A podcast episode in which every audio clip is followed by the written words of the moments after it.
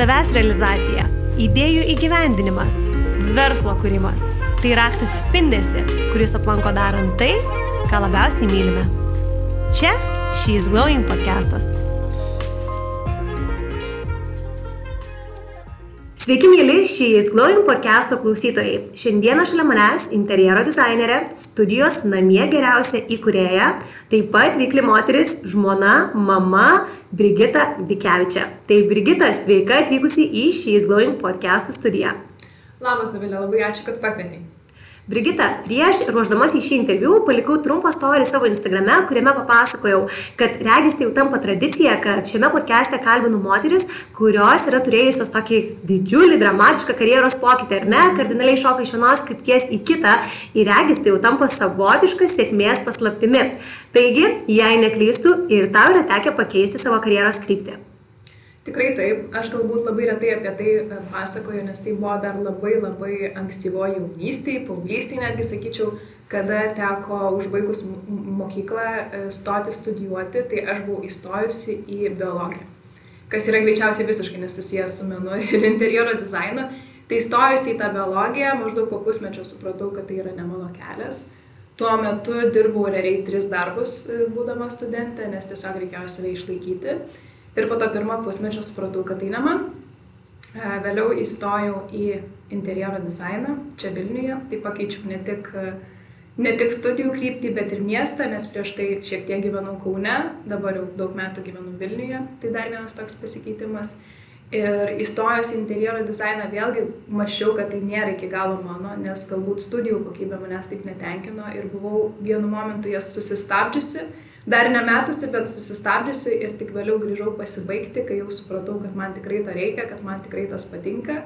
Ir grįžau e, pasibaigti tuo met, kai dirbau farmacijos įmonėje. Taip pat taip viskas susipinė ir persipinė, kol savęs ieškojau, tikrai daug, praėjo daug laiko, bet labai džiaugiuosi, kad jau atradau.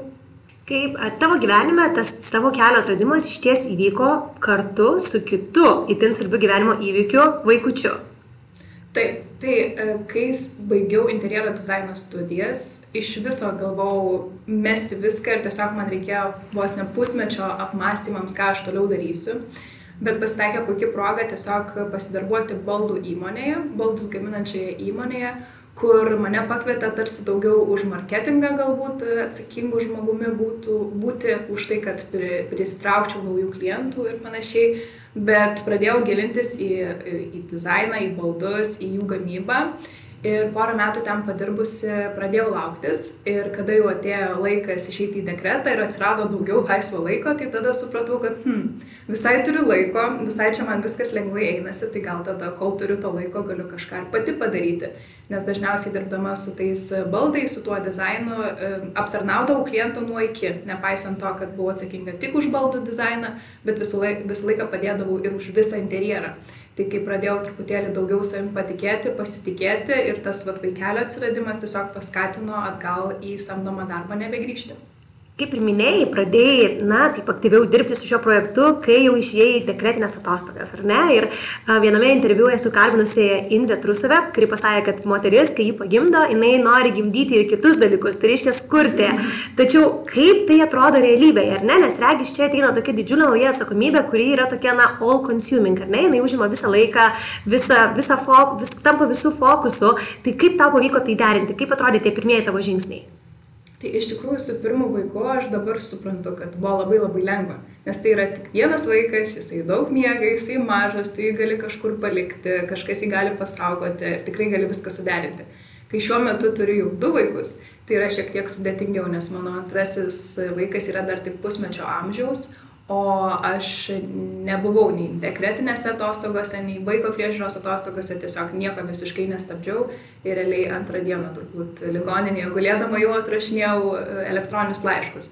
Tai nesu tikra, ar čia labai gerai, ar čia labai blogai, kiekvienas aišku vertina pagal save, bet e, manau, kad dabartinėje tokioje visoje greitai skubančios, lekiančios visuomenės e, kontekste moteris norėdama būti aukštumose, jinai realiai turi gebėti šitos dalykus suderinti tarpusavėje.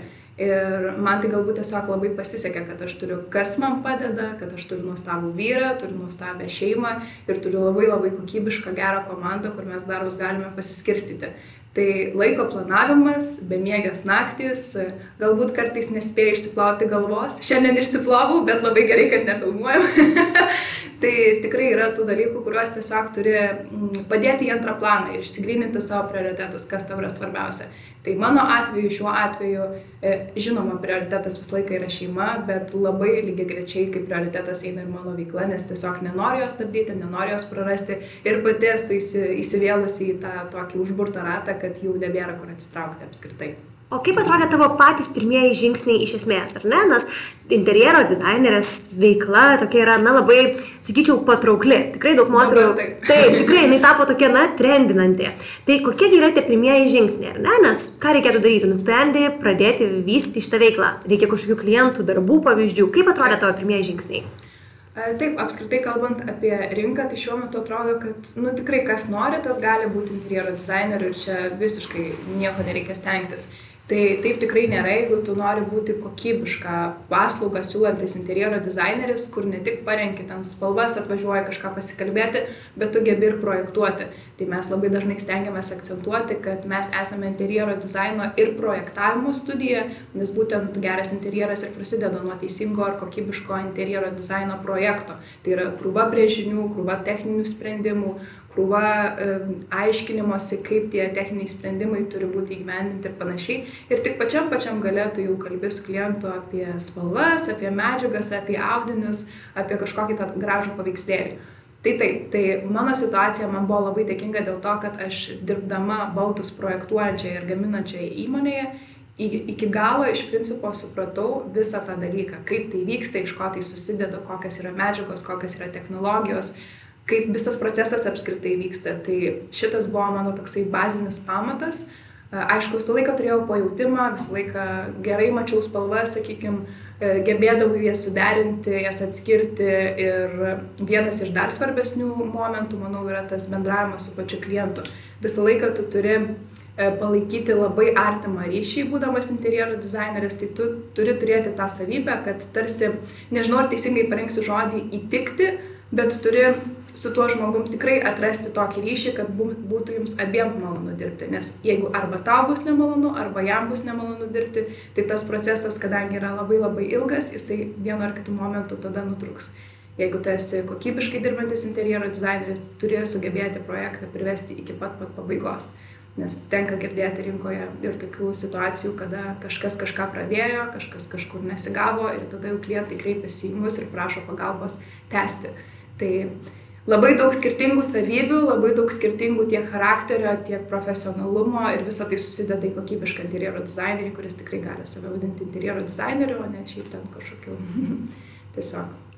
O kokie būtent buvo tavo pirmieji žingsniai? Kaip tau pavyko gauti pirmosius klientus? Dirbdama baldų salone, kaip ir minėjau, visą laiką sulaukdavau tokių užklausų, tokių prašymų, kad galbūt galiu padėti ne tik baldą suprojektuoti, bet gal ir pasirinkti sofą, gal ir kažką išmanau apie apšvietimą. Tai tiesiog vienu momentu, kada kaupiau tą žinių bagažą, kurį aš kaupiau apie pusantrų, du metus, plus minus, plus studijos, kurias baigiau, sukaupusi tą žinių bagažą, tiesiog pasiryžau pilnai pasimti vieną klientą savo ant pečių, e, be jokio užnugario ir padėti jai renovuoti savo seną būstą, seną namą. Su renovacijomis yra visada taip, kad tu labai atrandi daug netikėtų dalykų ir ne viskas eina pagal planą plus dar buvau nešia. tai tikrai teko visą tą situaciją pragyventi nuo A iki Z, padaryti klaidų, jas po to taisyti, Tas atlygis jisai irgi mano pirmasis buvo labai minimalus, bet tikrai esu dirbusi daug ir iš vis be atlygio, tiesiog tam, kad susirinkčiau tą patirtį, kad man apskritai leistų nuvažiuoti tas statybas, kad aš pakalbėčiau su tais statybininkais, nes daug kas ir apskritai bijo. Ai, tai čia statybininkai man vis tiek sakys, kad tu čia dizainerė, tai tu turi pats stengti suprasti tą statybininką, suprasti, kaip jisai dirba, perprasti jo vis, visas technologijas, tam, kad tu po to turėdama šitas žinias ir gebėtum tą sprendimą sugalvoti ir papasakoti kitam žmogui, kaip, kaip jisai turi būti įgyvendinamas. Tai patirtis atėjo tiesiog per, sakyčiau, tas pačias klaidas.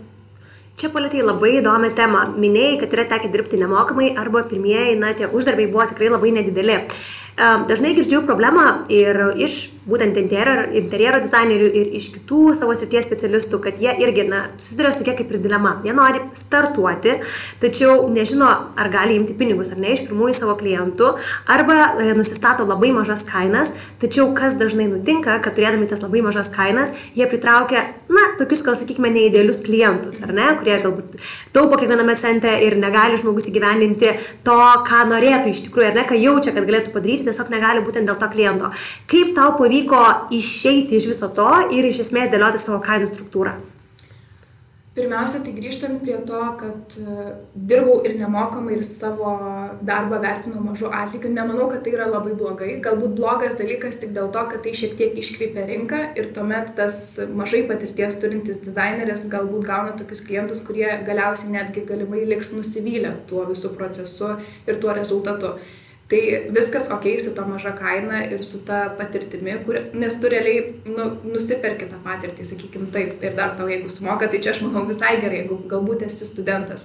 Nes atsakomybė, kuris lypi už šito viso, tai yra tikrai labai didelė, nes padaręs klaidą būstė, statybose, ją ištaisyti mm, ir žmogus praranda pinigų, ir tu prarandi nervų, sakykim taip, tai tikrai manau, kad pradėti nuo mažo atlygio yra viskas ok jeigu labai nori dirbti vienas. Bet tokioje situacijoje, kai neturiu patirties, pradėčiau geriau dirbti, pasistengčiau susirasti galbūt studiją, galbūt kažkokį interjero dizainerį ar architektą, pas kurį galėčiau dirbti ir iš kurio galėčiau semtis patirties. Tai nes tiesiog stačia galva nerti pačiam visiškai žaliam į statybas yra labai labai didelė rizika, kad galbūt netgi liksite minuse, jeigu klientai paprašys ištaisyti tas klaidas, kurias paliksite. Ir kalbant apie kainų patį, sakykime, kilimą, jeigu galima tai pavadinti, tai tiesiog e, aš kaip pajaučiau, jog mano atliekamos paslaugos yra kokybiškos, atitinkamai palaipsniui keldavau ir kainą suteikdavau žmogui dar daugiau ten brėžinių, dar daugiau paslaugų, dar daugiau prisimdavau atsakomybės ir atitinkamai, atitinkamai keldavau kainą, kol dabartinėme taške esu visiškai pilnai išsigryninusi, kokias aš paslaugas teikiu ir kiek jos kainuoja. Tai tiesiog leidžiu žmogui pasirinkti pačiam kiek jisai nori iš manęs gauti tos pagalbos, tų paslaugų ir atitinkamai jisai gali rinktis ir kainą, kokią gali skirti interjero dizaineriui. Tai manau, kad čia irgi vienas iš patarimų - tiesiog galbūt įsivertinti visas paslaugas, kurias jūs galite suteikti, tarsi į paslaugų paketus, kurie gali išsiskaidyti į nedidelės kainas, tačiau kai klientas susirinks tas visas paslaugas iš jūsų, kurių jam reikia, ta kaina galbūt susidarys visai ir adekvati. Ar dažnai tenka susidurti su tokia situacija, kad klientas, na ar ne, kaip ir viską susiderinote, suderinote ir biudžetus, tačiau vėliau klientas eigoje jau sako, ne, nebegaliu, nebegaliu to leisti, reikia mažinti kainas, ar viskas būna, na, sklandu, nes man atrodo, kad čia turėtų būti tokia viena iš didžiausių problemų, ar ne, galiausiai tos kainos gali stipriai pakilti, kaip sekasi derintis. Ir... Tai apskritai dabar apie visą nekilnojamo turto rinką, tai vyksta tokie amerikietiški kalneliai, tai labai kyla, tai labai paskui leidžiasi ir tikrai sudėtinga yra suprasti, sudėtinga ir patiems žmonėms nuspręsti, ką daryti, ar jie toliau nersis į statybą, statys tai, ką yra pradėję, ar galbūt sustabdys. Tai šiuo metu tikrai yra tokių klientų, kurie visiškai sustabdė savo statybas ir tiesiog laukia, ką daryti toliau yra tų klientų, kurie pradėjo labai pilna koja ir investavo, o dabar galvoja, kaip čia sutaupyti ir kaip kažkaip kuo pigiau pasibaigti, tiesiog, kad pasibaigti. Tai situacijų yra ir įvairių ir tikrai pasitaiko visko. Tai aš esu sutartie nusimačiusi kad kai suteikiu daugiau negu pusę paslaugų, tai klientas man yra įsipareigojęs sumokėti, nes labai paprasta jam gauti projektą ir paskui pačiam nusipirkti tą sofą, jeigu tai liko tik tai sofa. Bet viską iki galo sugalvoti, kada tu dar galvoji tai brėžinyje, tai yra didžiausias darbas, kuris dažnai lieka už kadro, nes mes ir toj pačioj socialiniai medijoje dalinamės gražiamis nuotraukomis, dalinamės gražiais video, kur jau ten merkiam gėlės į vazas ir žodžiu viskas iki galo padaryta, bet taip tikrai nėra. Ir yra labai labai daug darbo, kuris trunka kokį pusmetį, kartais net metus, kad tas gražus rezultatas jisai išlystų į dienos šviesą.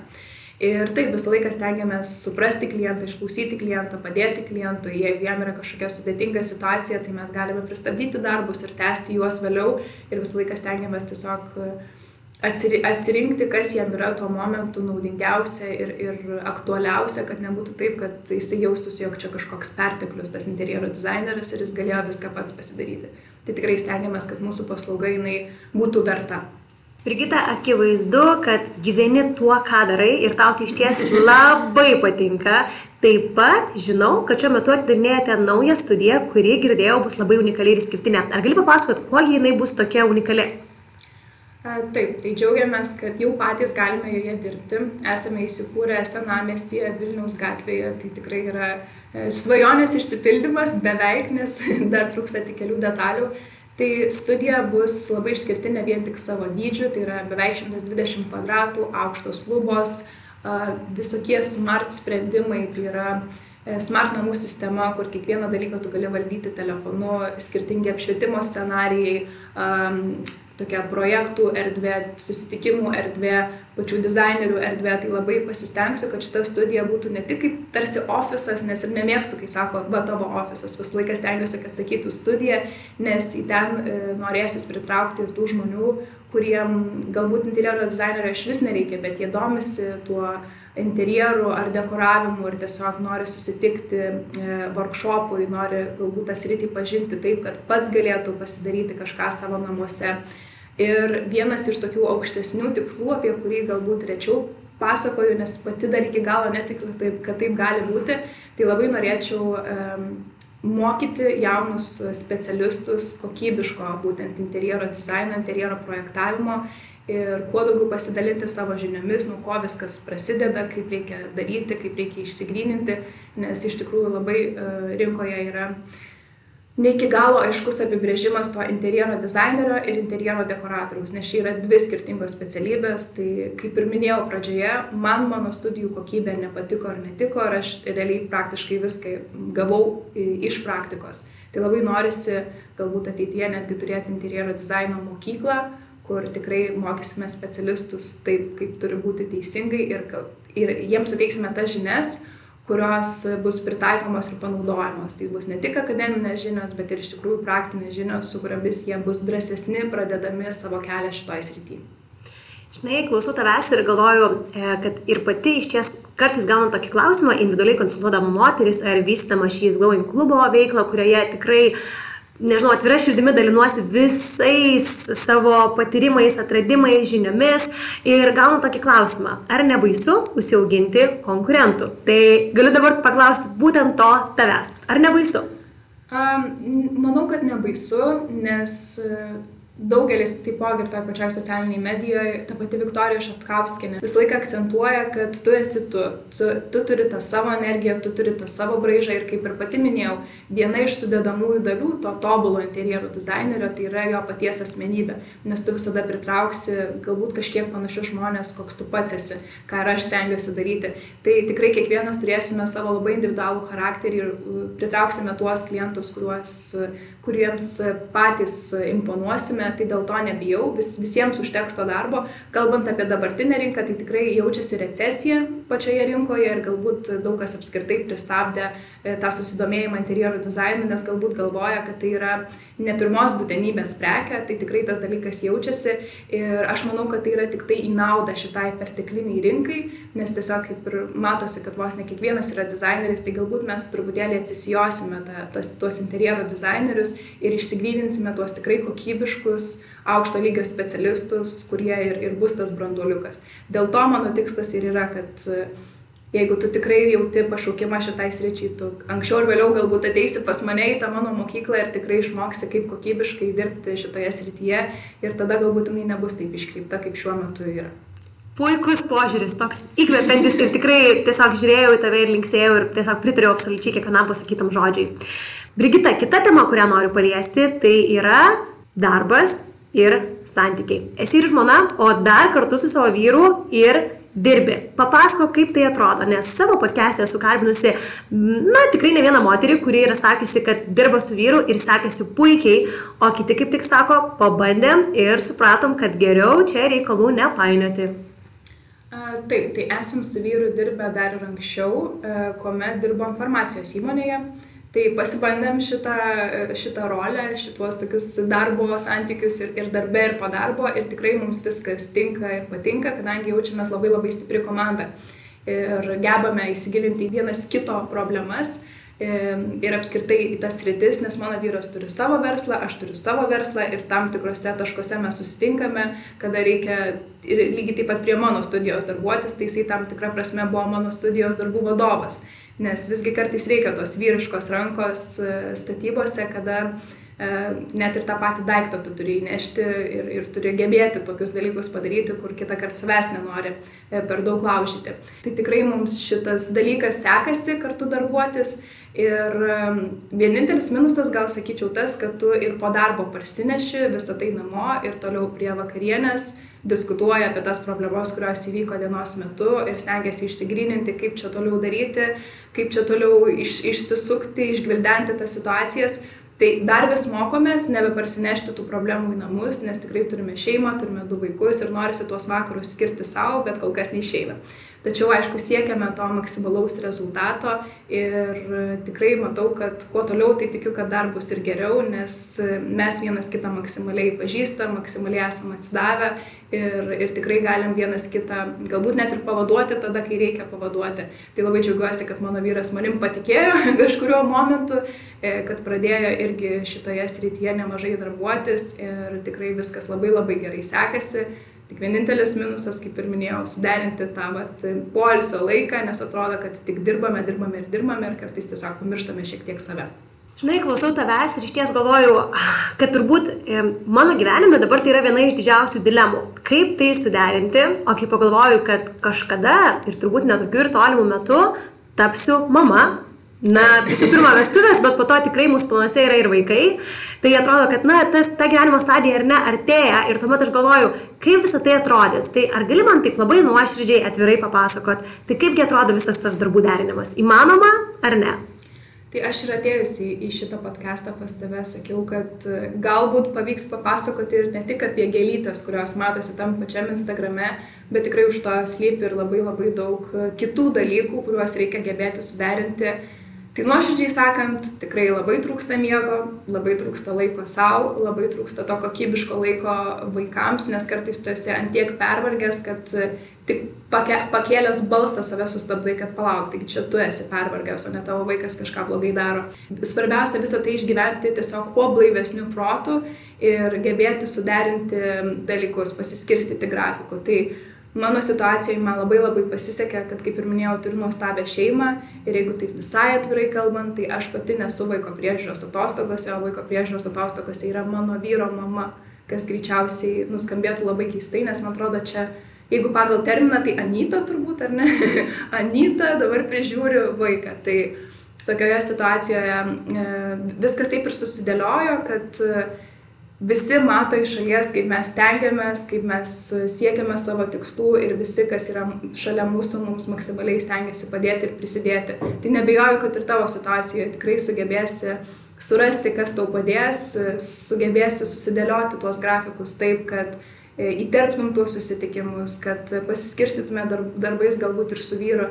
Nes kalbant apie pirmą vaiką, tai aš tiesiog to paties pietų miego metu darydavau online susitikimus ar daugumą susitikimų netgi esu važiavusi kartu su vaiku, bandžiusi jį ten kaip nors užmigdyti ar nešioti ant rankų ir tiesiog tikrai yra tokių situacijų, kad ne viskas pagal planą, bet kuo toliau, tuo labiau matau, kad tie žmonės, kurie turi vaikų, jie visada tave supras ir visada tave palaikys.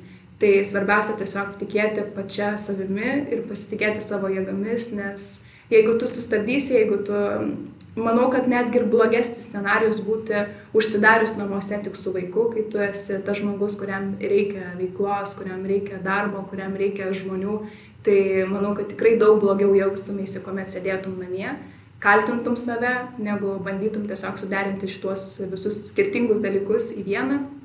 Ir faktas, kad ne viską tobulai sekasi, nespėju ir klientams kartais atsakyti. Arba atsakau ten neestetiškų, ne, ne pagal etiketą darbo laiku, kad ten kokią pirmą valandą nakties įkrenta laiškas ir panašiai. Tai manau, kad visi bet kokiu atveju visada mane supranta. Ir tiesiog jo, reikia galbūt dažniau man pačiai apie tai paminėti, kad visgi yra už šalies dar ir tokių dalykų, kurie turi didelę įtaką tiems darbams. Ir, ir jo, čia yra labai laikina. Vaikystė ir vaikai yra labai laikina, tai maksimaliai reikia tuo pasimėgauti, maksimaliai stengti suderinti, nepamiršti savęs, o paskui vaikai išeina, tai ką veiksim po to. Tačiau e, labai dažnai iš mamų girdžiu ir įtariu, kad tai yra tikras dalykas, ta mam guilt ar ne, kai Taip. grįžti po darbų ir tavo vaikučiai reikia pilno tavęs dėmesio, o galbūt tu jau esi tokia pavargusi, kad negali jo skirti, arba išlėki ir galvoji, o jie, šiuo metu mano vaikutis galbūt norėtų būti su manimi, tačiau aš negaliu čia būti. Tai ar yra tau tekę su tuo susidurti, nes man asmeniškai tai būna netgi kartais, kai būna užimta diena ir aš savo šuniuką palieku vieną namuose, ar ne, ir atrodo, oh my god, jinai turbūt pyksta ant manęs ir galvoja, kad esu labai bloga dogiai mama. Tai tikrai šitas dalykas yra, čia manau yra neišvengiama, netgi jeigu turi tiesiog samdomą paprastą darbą, dirbtum, kur turėtum labai konkretų darbo laiką, tai visą laiką ta kaltė atsiranda ir mes galbūt tokios būtybės, kur dėl kiekvienos skirtingos situacijos vis tiek kažkaip sugebam save apkaltinti, ką reikėtų, manau, daug rečiau daryti. Tai aš šitą irgi jaučiu ir tikrai stengiuosi tiesiog, kai esu su savo vaikais, tai būti čia ir dabar maksimaliai pamiršti tą telefoną, nebetrašyti, nebeatsakyti ir tiesiog kiek man įmanoma tuo momentu skirti tą laiką savo vaikams. Nes jeigu taip, netgi galima išsiskaičiuoti, kad galbūt po darželių, po visko tu vakare turi, nežinau, valandą, tris valandas, e, įskaitant ir būti, kurią dar reikia pasidaryti. Tai tikrai tas vat kelias minutės, kurias tu žiūri savo vaikų akis, nu tai ir žiūrėk savo vaikų akis. Nebegalvok apie kažkokias problemas, apie kažkokius darbus, kuriuos reikia padaryti, bet tiesiog būk čia ir dabar su savo vaikais ir galbūt tos kalties tada šiek tiek mažiau lieka. Akivaizdu, kad turi be galo didelių ambicijų ir be galo daug užsidėgymo. Ar tai buvo visada, ar tai atėjo į tavo gyvenimą vėliau? Galbūt padarius kažkokius darbus, pamatai, kad nori dar, dar eiti toliau. Manau, kad šita savybė visą laiką buvo manyje, net ir kalbant apie mokyklos laikus, apie pirmų darbų laikus, visą laiką būdavau toksai uh, išsiskiriantis iš pilkos masės žmogus ir darantis siekiantis padaryti kažkaip geriau, kažkaip kitaip. Kalbant apie mano biologijos studijas, tai netgi rašto darbą parašiau taip, nes visiškai kitaip negu visi, nes parašiau apie samanas, taip, kaip žmogui būtų įdomu skaityti, net jeigu jisai nesidomi apie samanas. Tai tada buvau pakelta prieš visą auditoriją ir pristatyta kaip žmogus, kuris laužo taisyklės, tai manau, tai visą laiką buvo manyje. Ir jo, šita savybė greičiausiai ir, ir veda šiek tiek į priekį, nes tu visą laiką stengiasi padaryti daugiau, stengiasi atrasti geriau, stengiasi tą savo kartelę pakelti. Ir labai svarbus momentas šitame yra nesilyginti su kitais, ko ir pati mokausi, nes atrodo visą laiką pasižiūri į šalį ir, o, kažkam dar geriau sekasi, kažkas dar čia geriau su viskuo susitvarko, tai labai mokausi šito nedaryti ir tiesiog vertinti save pačią ir kaip man sekasi šiandien lyginant su vakar ir kokie mano rydienos planai, tam, kad tas augimas tikrai būtų nuoširdžiai būtent mano ir, ir nenukrypčiau su tais vat, savęs kaltinimais, su savęs lyginimais ir tą visą maksimaliai energiją, kurią turiu, skirčiau būtent savo ir savo tikslams ir, ir savo komandai ir, ir, savo, ir savo, žodžiu, ateities tam tobulėjimui. Kaip manai, kas yra tavo didžiausias motivacijos šaltinis?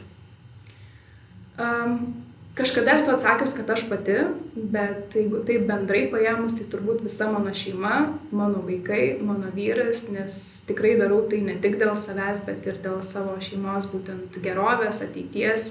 Ir čia buvo vat, momentas vakar ar už vakar, kada tiesiog fone um, vyras gamindamas įjungia um, kažkokį vaizdelį apie keliautoją, nebepamenu vardo, bet jisai e, planuoja plaukti per Atlantą. Ir tiesiog įjungia, kaip jisai stovyklauja miške, kaip jisai verda sriubą ant laužo, kaip jisai pagauna e, vežius ir juos verda. Ir mes taip valgydami net taip suklusom, atsisukom ir susižvalgiam su vyru ir galvojam, kad kaip gera tiesiog važiuoti į tą gamtą, į tą laisvę ir į tą uh, nebuvimą kažku, kažkokiam lėkime, tai iš tikrųjų svajoju, kad ateityje galėsiu turėti daugiau laiko tiesiog tai ramybei ir būtent dėl to dabar maksimaliai stengiuosi, kad vėliau galėčiau tą ramybę lengva ranka gauti.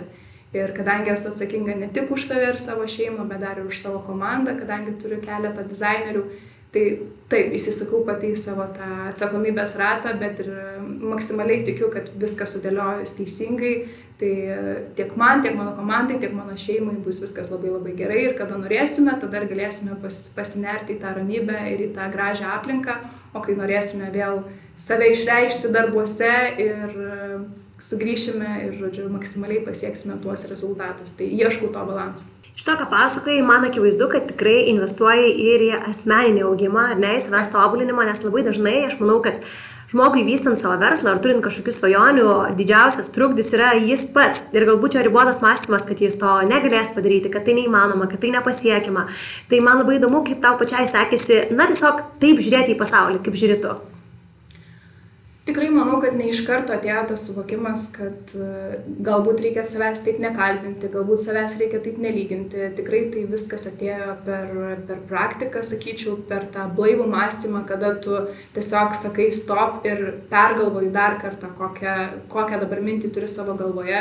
Nes labai nesudėtinga yra užsileisti tom, čia, tom šiukšliam, kurios e, mus gali net ir, e, mus gali net ir temti atgal. Tai labai labai stengiuosi savo mintis išsivalyti, pradėti dieną ne nuo skrolinimo Instagrame, o tiesiog nuo gražių dalykų, nuo motivacinio kažkokio žodžio, kuris mano tą dieną užkurtų. Nes ką jaučiu, tai labai stipriai jaučiu, kada į savo studiją, pas savo komandą, jeigu atsinešu neigiamas emocijas, jeigu atsinešu kažkokį sunkumą, kurio nesugebėjau pati susitvarkyti, tai ta emocija labai greit persiduoda ir mano aplinkoje esantiems žmonėms. Tai ir kuo toliau, tuo labiau suprantu, kad e, viskas ir iš esmės ir eina iš manęs, iš mano energijos, tai kada aš teisingame kelyje, kada aš susitaru su savim, supratus visus dalykus, tada tikrai galiu ištransliuoti ir kokybiškas teigiamas emocijas ir taip dar labiau įpūsti tos energijos tiek savo komandai, tiek savo šeimai. Tai taip, viskas prasideda nuo mūsų pačių, nuo mūsų pačių galvų ir reikia tiesiog išmokti, neužsileisti blogų minčių ir pagauti save. Dažnai labai tiek save, tiek savo vyrą pagaunu, kad nu, nukrypstam kažkur į kažkokį ten rilsą, kuris mums nėra aktualus, į kažkokią, kažkokį video, kuris tiesiog yra kaip šiukšlė. Tai nenaudoti šito laiko tam skrolinimui, tiesiog galbūt geriau išeiti, pasivaikščioti ir, ir susidėlioti savo mintis. Ar yra kažkokių kitokių, galbūt savo kasdienių ritualų paminėjai, neskrolinimas ryte, kitų tradicijų ar produktivumo heksų, kuriais galėtum pasidalinti? Manau, kad vienas iš tokių visiškai paprasčiausių dalykų, tai kaip irgi kažkas yra paminėjęs, kad jeigu tu nemoki medituoti, jeigu tu ten nemoki pakvepuoti, nes dabargi labai populiaru, visi mes medituojam, visi teisingai kvepuojam, tai aš nuoširdžiai pasakius, nei medituoju, nei ten mokai teisingai kvepuoti, bet tiesiog tą patį kavos puodelį aš sugebu išgerti e, čia ir dabar, mąstydama apie tai, kad tai yra kavos puodelis, tai yra mano laikas, tai yra ten 10 minučių, kada aš galiu skirti savo ir tiesiog tai yra tam tikro prasme ta meditacija. Galbūt vakare einant miegoti, versli veikli moteris pasidarys savo skin routine, visiškai būdama užsidarius savo vonioje ir su savim ir su savo oda. Tai va tokie smulkus dalykai, manau, ir ir gali būti tas vos neatsipalaidavimo šaltinis, kada 15 minučių vonioje pagulėjimas, nu, atrodo tik 15 minučių, bet tikrai tai gali tau visiškai kardinaliai pakeisti dieną. Tai manau, kad labai svarbu neužsibūti savo problemoje, jeigu tokia yra, ir pat būtent skirti bent 15 minučių kažkam, kas tave atjungs, kas tau suteiks kažkokį malonumą. Taip pat šiuo metu aš du kartus per savaitę turiu 30 minučių trukmės masažus nes gydausi savo nugarą, tai vat, po 30 minučių du kartus per savaitę aš tikrai būnu maksimaliai atsijungus ir mane taip e, motivuoja ir taip man suteikia daug energijos, kad po to galiu atrodo kalnus nuversti. Brigita, žinai, kaip paminėjai tą skin routine e, vakare, man buvo toks jausmas, kad tu žinai, ką aš darau vakarais, nes, ta prasme, aš buvau kažkada dar pagalvojusi, kas man yra toksai mano visiškai kasdienybės malonumas. Ir tai yra vakaras, kai aš baigus visus darbus, einu nusimti makiažo, aš visą laiką pasileidžiu per YouTube video apie rankinės, nes tai yra mano silpnybė, aš klausausi tiesiog fonė tų video ir valau savo makiažą, deduosi visą skin routine. Ir man tai būna toks malonumas, kad kartais aš net sunkios dienos vidury galvoju, kaip aš laukiu vakaro, kada bus visa šita ceremonija. Ir jinai tikrai nėra labai ilga, gal 15-10 minučių, bet man tai yra toks malonumas, tai iš tikrųjų labai geras priminimas ir taip atvirai pasidalinau, nes pagalvojau, kad tai tikrai gali būti tas dalykas, gal kažkokia mini rutina, kurią galime įstraukti į savo gyvenimą ir kuri tikrai, va, tiesiog nueiti į savo vonį ir tiesiog skirti daugiau tam laiko ir nežinau, gali padėti ar ne graži pižama, ar kažkokios mielos, gražios priemonės, kurias naudojam veidui ir jau iš karto atrodo, o, oh, toksai mini pasilepinimas. Tai tikrai tiesiog, na ir norėjau pasidalinti, kad galbūt kažkurias klausančias moteris įkvėps toksai mūsų pasidalinimas, kad tikrai, tikrai galima tų malonių akimirkų įnešti ir tiesiog į kasdienybę ir nereikia laukti vien tik tai atostogų ir ypatingų progų tam, kad pasimėgauti gyvenimu. Tikrai, kiekvieną dieną galim pasidaryti savo ypatingą, tiesiog pat svarbiausia tas nusiteikimas, tas požiūris. Ir kaip ir minėjau, net ir 10 minučių kavos podeliui, kad kada tu būni tiesiog pats su savimi ir su savo kava jau gali būti kaip polisis ir susidėliojimas tų minčių, kurios galbūt ne iš karto to pavyko susidėlioti.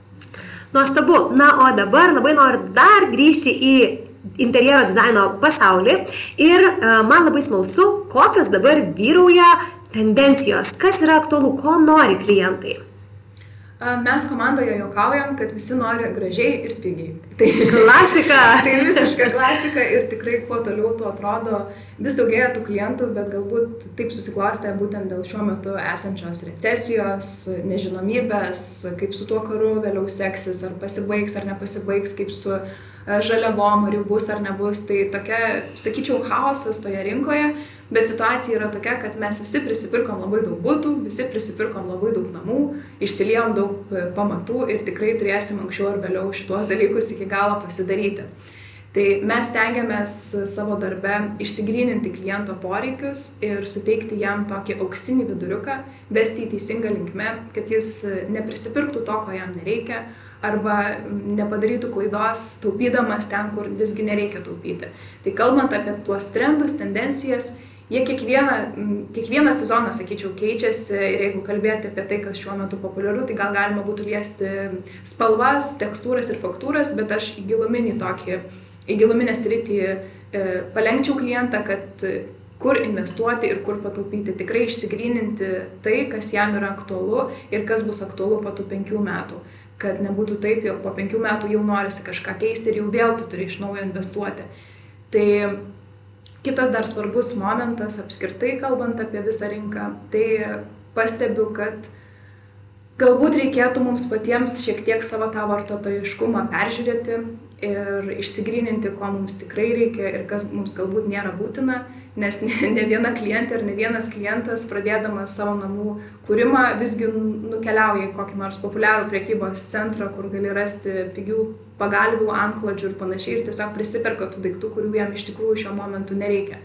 Tai uh, aš kaip interjero dizainerė visą laiką stengiuosi šiek tiek ir tą psichologinį momentą paliesti, jeigu tik klientas yra tam pasirengęs, kad uh, ar tikrai verta, ar tikrai čia nėra toks dalykas, kuris tarsi šiukšlė, kurį jūs vėliau išmesite. Stengiuosi padaryti tam tikrą transformaciją jo mąstymę, kad jisai um, tikrai į tuos savo namus įneštų tik tai, ką jam reikia įnešti, nes kai pastebė, kada žmonės keičia namus ir iš labai didelių uh, namų pereina į mažesnes, mažesnius būtukus, kalbant apie vyresnio amžiaus žmonės, tai jie su savim turi tokį didelį bagažą daiktų, kurių net patys nežino, kad turi Tai manau, kad vat, viena iš mano misijų tai ir yra tikrai vat, išsigryninti, kiek mums tų daiktų reikia, nes vartotojiška visuomenė atrodo, kad į, į maksimumą nušoko ir viską perkame ir viską turime ir net po to pamirštame, kad tai turime ir perkame dar kartą. Tai va šitos visos recesijos dabartinėje situacijoje, manau, labai geras būdas būtų tiesiog pasižiūrėti į savo išlaidas, į savo prioritetus ir išsigryninti, kas mums iš tikrųjų yra svarbu ir ko mes galbūt galime neturėti ir to visiškai mums nereikia. Ar galėtum papasakoti tiesiog žmogui, kaip, pavyzdžiui, ir man iš tikrųjų, aš niekada neįsirenginėjau savo namų, kol kas. Man tai atrodo labai iš tikrųjų tokia gazinanti gal užduotis dėl daugybės priežasčių. Visų pirma, atrodo, kad reikia priimti tiek daug sprendimų. Nuolatos girdžiu siaubo istorijas, kaip E, viskas užtrunka 18 kartų ilgiau negu žmogus planavo ir būna bent jau 3 kartus brangiau negu jis įsivaizdavo. Tai gali taip labai realistiškai papasakoti, kaip dažniausiai viskas atrodo, kiek laiko užtrunka pats namų įsirengimo projektas, kiek vidutiniškai lietuviai išleidžia arba kiek tu rekomenduotum pasiskaičiuoti išleisti vienam kvadratiniam metrui. Man nuoširdžiai labai labai smalsu. Kalbant apie patį procesą, tai galėčiau čia vėl kokią valandėlę pasakoti, bet turbūt e, pabandysiu visą tai su, susmulkinti iki kelių etapų. Tai pirmasis etapas, aišku, dirbant su interjero dizaineriu, yra būtent techninio projekto pasirengimas, ką ir sakiau, kad tobulas kokybiškas interjeras prasideda nuo kokybiško techninio projekto. Tai mes braižome, dėliojame viską tiesiog popieriuje kokie dydžiai, kokia funkcija, kaip visa tai atrodo tame išplanavime ir tik vėliau jau kimbame į apdailos medžiagų paieškas, į baldus, į aksesuarus, šviestuvus ir panašiai. Tai procesas tikrai yra testinis ir jisai užtrunka, vien tik darbas su interjero dizaineriu gali trukti, sakyčiau, nuo mėnesio iki trijų ar net iki pusmečio arba metų, jeigu dizaineris veda projektą iki pat pat pabaigos, o ne tik atiduoda jums brėžinius.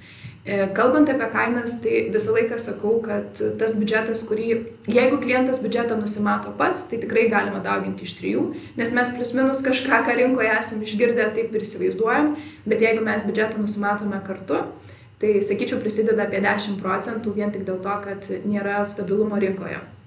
Apie pinigus ir apie kainas Tai uh, santykinai, kuo didesnis būstas, tuo mažesnė gaunasi kvadrato kaina, nes jinai išsiskaido ant kvadratų, bet jeigu, sakykime, paėmus standartinį 65 kvadratinių metrų būtą ir norint jį įrengti m, kokybiškai, tuos e, gal net premium e, lygių, sakykime, kad tas interjeras jisai turėtų didelę išliekamąją vertę ir ilgai būtų kaip naujas, tai sakyčiau koks 1200 eurų kvadratui, čia jau su tikrai kokybiškom, apdailos medžiagom, ta pati santechnika, plytelės, grindys, ko jums nereikės po penkių metų lupti ir keisti naujai. Anksčiau sakiau, kad viduriukas yra apie 1000 eurų kvadratui, bet tokios kvadratūros dabar koks 1200 kalbant apie tai, kad sukilusios kainos ir kad kai tu duodi klientui rinktis dvi, iš dviejų kėdžių, viena kainuoja 60 eurų, kita kainuoja 260 eurų, jisai dažniausiai pasirinka tą, kuri kainuoja 260 eurų. Tai čia bet vėlgi, bevalgant apetitas didėja ir tikrai savo namus norisi maksimaliai kokybiškų dalykų ir netgi tuos būtus, kuriuos ruošia klientai nuomai, visgi irgi mes stengiamės privesti iki aukštesnio lygio, siekdami pritraukti tą geresnį, aukštesnio lygio klientą. O iš esmės, kas žmonėms patinka? Ar jie nori, tarkim, vien renkasi pastelinės spalvas, galbūt yra kažkokie tam, tikrais, na, tam tikros stilistikos, kurios vyrauja, ar žmonės renkasi klasiką, kokios yra įžvalgos tavo? Aš manau, kad kiekvienas interjero dizaineris dirbdamas su tam tikra stilistika ir pritraukia tą žmogų, kuris e, prijaučia tai stilistikai Tai mano atveju taip mes dirbame su šviesiais interjerais, su pastelinėmis spalvomis, su jaukumu, su šiek tiek galbūt modernios klasikos, kas atsikartoja e, galbūt aukso elementuose ar žalvario elementuose, kas suteikia prabangos. Tai e, turbūt tokius klientus ir pritraukiame, bet kalbant apskritai apie rinką, labai populiarėja natūralumas. Natūralios apdailos medžiagos, tas pats žalinis parketas, kokybė, smart sprendimai. Tai šitie dalykai E, manau, pat ir turi didžiausią išliekamąją vertę ir tiesiog kartais galbūt klientas net nežino apie šituos dalykus ir vien tik atėjęs pasikonsultuoti su interjero dizaineriu jau gali susirinkti nemažą sąrašiuką, ką jisai turėtų pasitikrinti, pasidomėti, turėdamas laiko. Tai tikrai interjero dizaineris būtent ir yra tas, žmogus, kuris labai labai stipriai įsigilinęs į savo uh, sritį ir žino viską nuo A iki Z. Tai jeigu taip trumpai, sakyčiau, kad mes mes atsirenkame klientus pagal tai, kokią stilistiką kūrėme, nes pas mus ir ateina būtent tie žmonės, kuriems mūsų kūriama stilistika patinka. Kur sakytum, kad žmonėm, na, vertėtų tikrai nepataupyti įsirenginėjant namus ir kur yra tos vietos, žinau, sunku išrinkti, bet patark bent kelias vietas, kur, na, vis dėlto gal tie pataupimai nėra tokie baisus. Manyčiau, kad bazė turėtų būti kokybiškai įrengta ir nepataupant. Bazę aš vadinu e, grindis, santechniką, plyteles. Tai va šitie momentai, kur netgi po, sakykime, 5, 7 ar 10 metų darant kažkokį kosmetinį remontą, nu tikrai nenorėsit lūpti grindų dangos, tikrai nenorėsit lūpti plytelių. Tai jeigu teisingai jas išsirinksite, teisingai suderinsite, tai visa tai tarnaus labai labai ilgai. E, pataupyti galima tų pačių kėdžių, kaip ir minėjau, jinai gali kainuoti 60 eurų, o ne 260. E, galima pataupyti galbūt ir ant tų pačių smulkesnių baldų, tokių kaip stalas, kaip kažkoks šviestuvas. Jisai tikrai neturi būti kažkoks prabangiausias su žinomo dizainerio vardu, bet tiesiog galbūt jums patinka ir tinka, atlieka savo funkciją. E, taip pat į tokius smulkius dalykus, kuriuos nesudėtinga pakeisti, tikrai galima stipriai neinvestuoti bet yra toks momentas, kad tai, ką mes nusiperkame su mintimi, kad tai bus laikinai, dažniausiai lieka amžinai. Tai tikrai reikėtų išsigryninti savo biudžetą ir galbūt nedaryti taip, kad e, dalis interjere atsiradusių daiktų yra labai aukštos kokybės, o jau ten likutis kažkoks labai prastos kokybės. Nes tada tai tikrai jaučiasi, jaučiasi tas kontrastas. Tai galbūt nešokti aukščiau bambos ir tada viską įrenginėti tuo viduriuku ir, ir nepersistengti, nes tada tiesiog visuma jinai ir atrodys harmoningai. Na, o taip pat labai norėčiau tavęs paprašyti pasidalinti bent jau keliais praktiškai panaudojamais patarimais pradedantiems arba jau vystantiems savo verslą interjero dizaineriams. Tai pirmiausia, turbūt e, parekomenduočiau vesti savo Instagramą ir tikrai dalintis nuoširdžiais patarimais, tips and tricks, sakykime, nes žmogui labai labai įdomu ta, ta virtuvė, tas derinimas, tas techninių galbūt netgi dalykų sprendimų išsigryninamas, kas kartais atrodo, kad, kaip ir minėjau, mes pasidaliname gražiamis nuotraukomis, gražiais video, bet labai didžiai daliai, bent jau mano auditorijos, yra įdomu, kaipgi visa tai atsirado, kaip sekėsi statybose, ką daryti su tais vamžiais, kurie vidury kambario iš niekur atsirado, ką daryti su tais kabančiais laidais, kaip juos paslėpti. Tai dalintis visišką, visišką savo kasdienybę, savo nuoširdžiais patarimais, nebijoti pasidalinti galbūt daiktais, iš kur tu juos gavai, kur tu juos pirkai, nes tai žmogui irgi tikrai labai įdomu. Kartais pastebiu, kad tarsi dizaineriai kai ką bando šiek tiek nuslėpti, kad galbūt nepanaudotų kiti, bet, bet kokiu atveju anksčiau ir vėliau žmogus vis tiek atras tą daiktą, tai kodėlgi jam nesuteikus tos informacijos ir nepalengvinus jo, e, jo viso kelio, jeigu jisai pats tai įsirenginėja. Ir labai svarbu fiksuoti tuos dalykus, kuriuos aš jau padariau. Jeigu įrengiau kažkokį nedidelį būstą ar ten e, kažkokį net galbūt ir kambarį, tiesiog fiksuoti tą rezultatą, kad tu tą rezultatą galėtum parodyti sekančiam klientui. Nes dažnai galbūt dizaineris, aš ir pati dariau šitą klaidą, tarsi nenorėdama parodyti netobulo rezultato, jo net ir iš viso nefiksuodavau, jeigu kažkas man ten iki galo nepatikdavo. Tai tikrai yra tokių interjerų, kurie taip ir liko neužfiksuoti, taip ir liko iki galo neparodyti ir tarsi tas portfolio jisai susitraukia vien tik dėl to, kad būdamas perfekcionistas, tu galvoji, kad kažkas yra ne taip. Tai manau, kad dauguma žmonių net ir nepastebi tų smulkių detalių, kurios tau atrodo aktualios. Tai rodyti, kad tu sugebi, rodyti, kad tu darai, rodyti, kad tu supranti, nebijoti pasakoti tų pačių istorijų būdu ar netgi laivų būdu, savo pasidalinti patarimais ir tiesiog pristatyti save kaip visišką šitos ryties specialistą ir tada, kai žmogus jaučia, kad tu supranti, ką tu darai, jisai tikrai tave kreipsis. Fantastika. Na ir pabaigai tiesiog labai noriu, kad ką nors palinkėtų moterims, kurios vysto savo verslą ar svajoja apie jį, ką pasakytum joms? Pasakyčiau, kad tikrai nebijokite pradėti. Ir svarbiausia pradėti čia, dabar, šiandien bent mažą žingsnelį padaryti link to tikslo, nes visą laiką yra daug lengviau atidėlioti ir visą laiką daug lengviau yra suprasti, surasti kažkokį pasiteisinimą, dėl ko nedaryti. Tai labai nuoširdžiai linkiu bent vieną smulkų dalyką pasidaryti jau šiandien. Galbūt kažkam paskambinti, galbūt kažką parašyti, galbūt įdėti kažkokį postą Instagramą, kad jau planuoju pradėti ir galbūt atsiras tas žmogus, kuris jums padės, jeigu reikia. Tai tiesiog bent kiekvieną dieną bent po mažą žingsnelį link to tikslo, kurį jūs turite ir kurio jūs siekiate. Nes jeigu atidėliosite, tai galbūt ir niekada neteis ta diena. Fantastika. Ačiū tau, Brigita, už įkvėpimą ir žinias. Ačiū tau. Tikiuosi, kad puikiai praleidai laiką klausydamasi She's Going podcast'o. O jei nori daugiau bendrystės, nuostabių ir įkvepiančių istorijų, naujų žinių, renginių ir kitų privilegijų, kurias gauna tik šiais Going klubo narės, keliauk tiesiai į mūsų internetinę svetainę www.sheisglowing.lt ir tap mūsų klubo nare.